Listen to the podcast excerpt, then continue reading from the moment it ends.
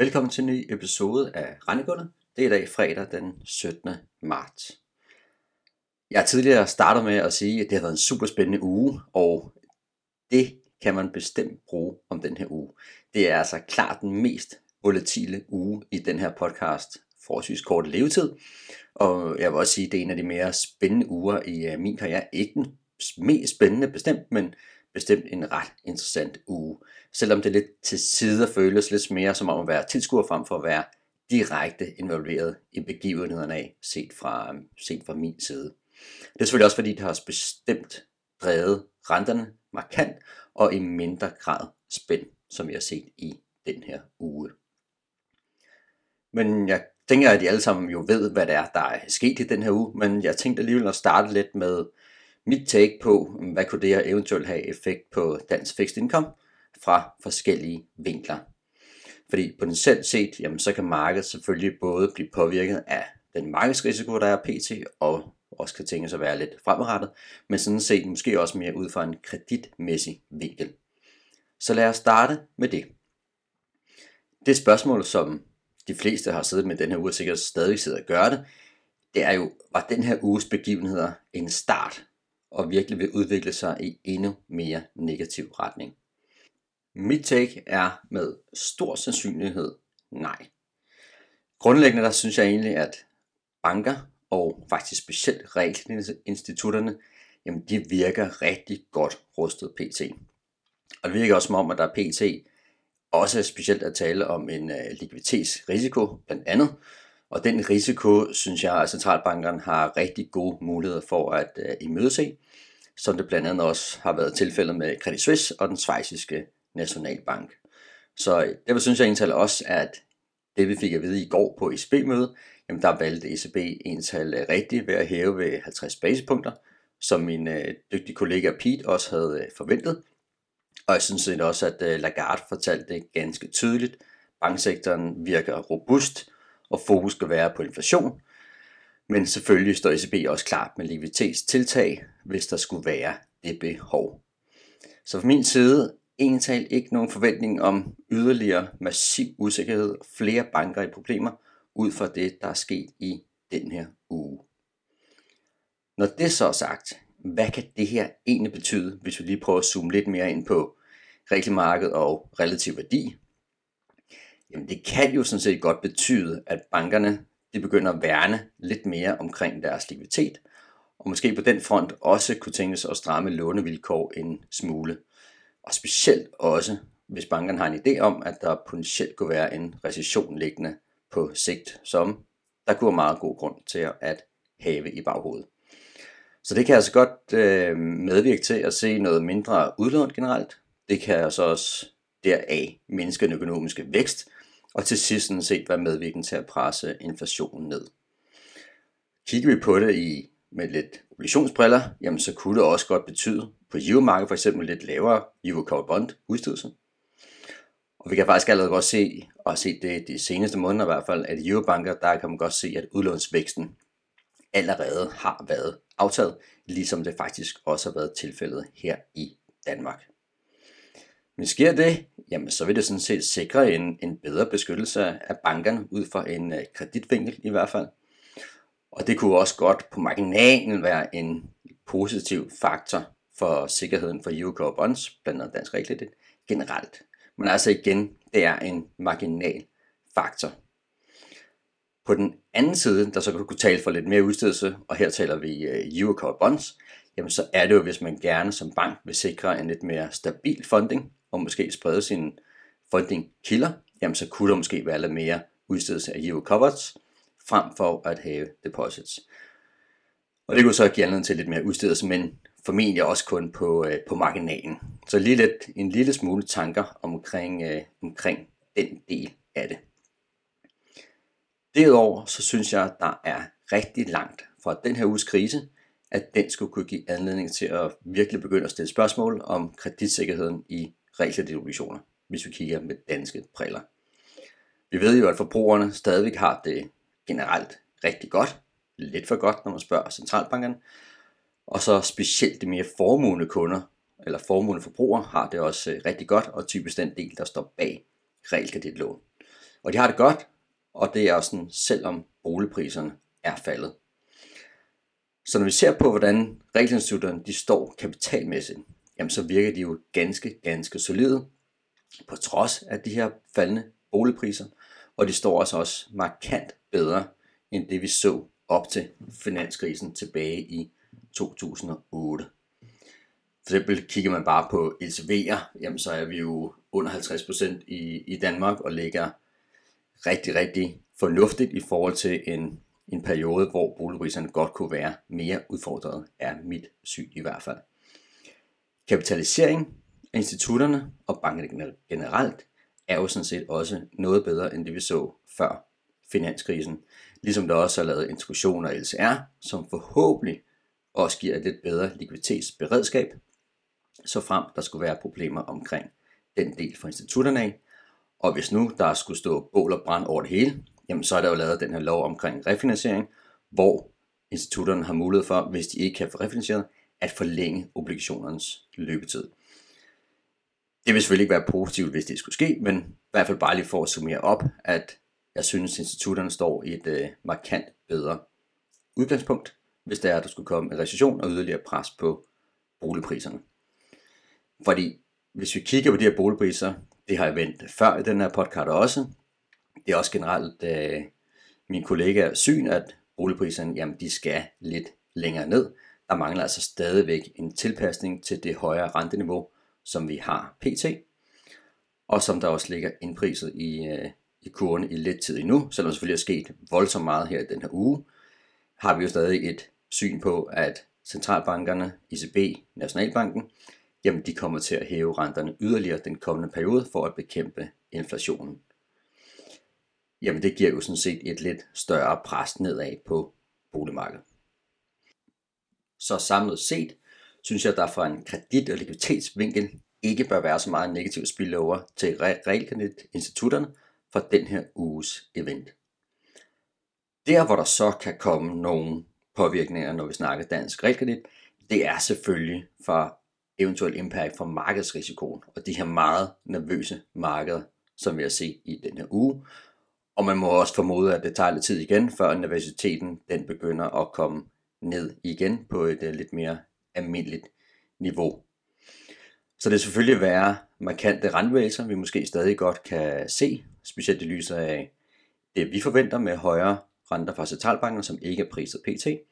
Så den her rentevolatilitet, den forventes faktisk stadigvæk at være øh, forholdsvis høj. Og det er jo noget, der godt kan påvirke optionspræmier, og det er også noget, der kan påvirke til, om investor har lyst til at holde negativ kommentet i højkupon kommenterbar for eksempel. Og hvis der nu skulle komme igen et betydeligt risk-off, jamen så er det klart, at det vil give noget pres på spændudvidelser i danske obligationer selvfølgelig også, hvor I specielt vil se øh, performance på staterne i forhold til realkreditobligationer, som vi også har set i den her uge. Så mine øjne, så er vores øh, base case efter den her uges øh, begivenheder, det er, vi nok stadig vil se flere renteforhøjelser til at skulle presse væksten og ultimativt inflationen endnu længere ned.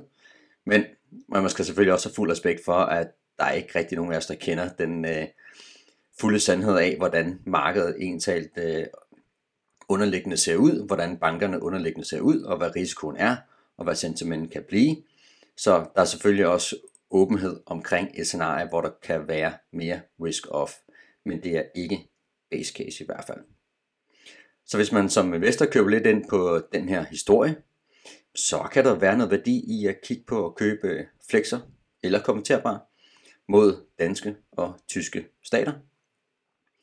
Eller direkte bundbubble asset swap tightener er jo også en måde at skulle spille de seneste begivenheder på. Så ideen er jo sådan set at udnytte det her høje spænd, der kommer til stater, når vi kigger på obligationer blandt andet.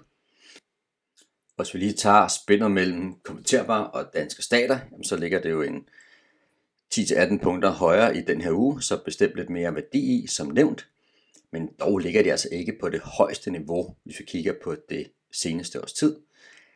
Der hvor der er noget, der ligger højt mod stater, det er jo mere faktisk, hvis vi kigger i EU-markederne, og vi kigger over mod KFW, EU osv. mod tyske stater, jamen så er det pickup faktisk meget tæt på det højeste niveau, så der er bestemt også muligheder for at spille stort set samme case ved at skulle købe eksempelvis KFW mod tyske stater. Så mange muligheder for at spille det høje spænd mellem stater og swaps i princippet. Hvis vi lige zoomer lidt mere ind på danske regler, hvordan har det ental klaret sig i den her uge?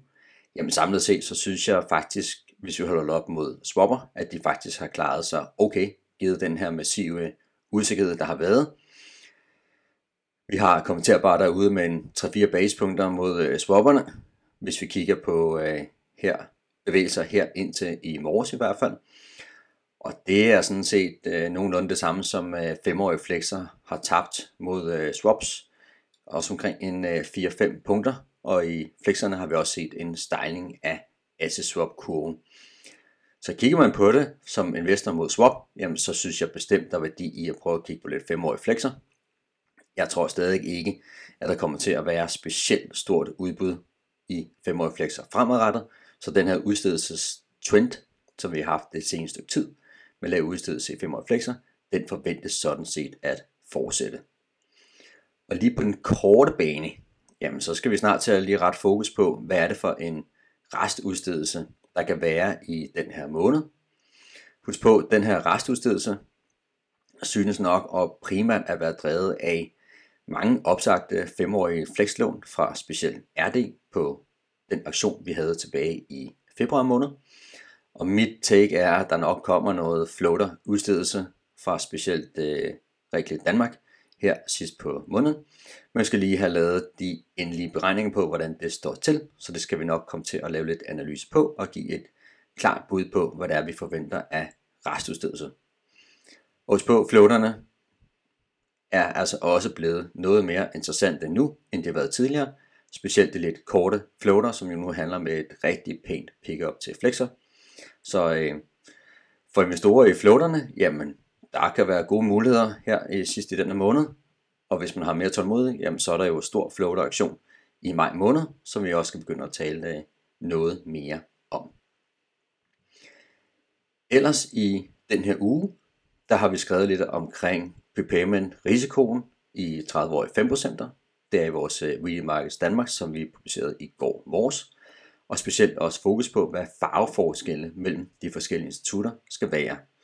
Jeg tror, det er at være jævnt kendt nu, at der er nogle store, store andele af store lån, i specielt øh, Jyskes 5%-serie, 556 IO for at være specifik.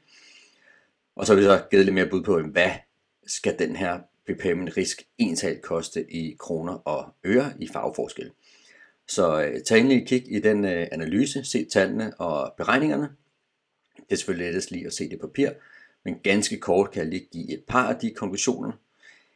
Den ene ting, det er, at den vejhed, der ligger i 30 år 5%, hvis vi nu skal se rentefald.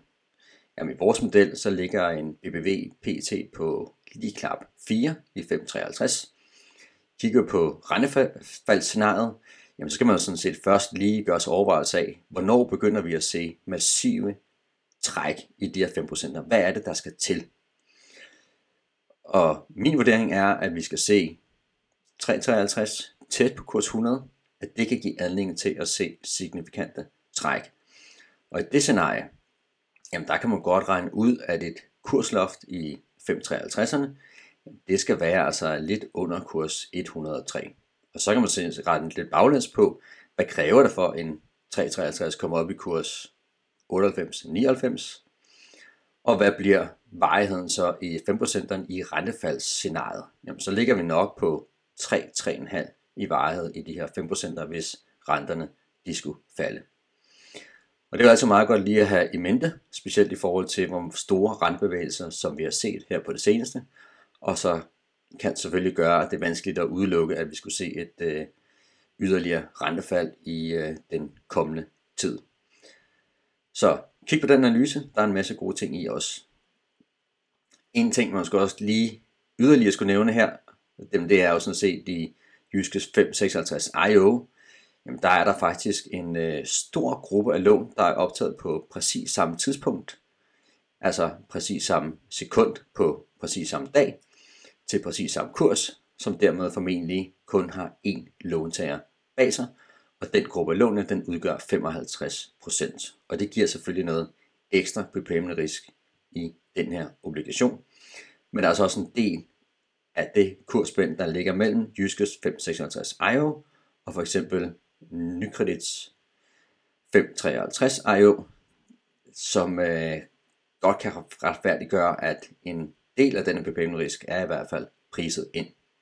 Husk på, at den nuværende prisforskel jamen, mellem de her to serier, det skal udgøres af den løbetids for forskel, der ligger i serierne, tre år længere løbetid i Jyskes, og så den her øgede trækrisiko.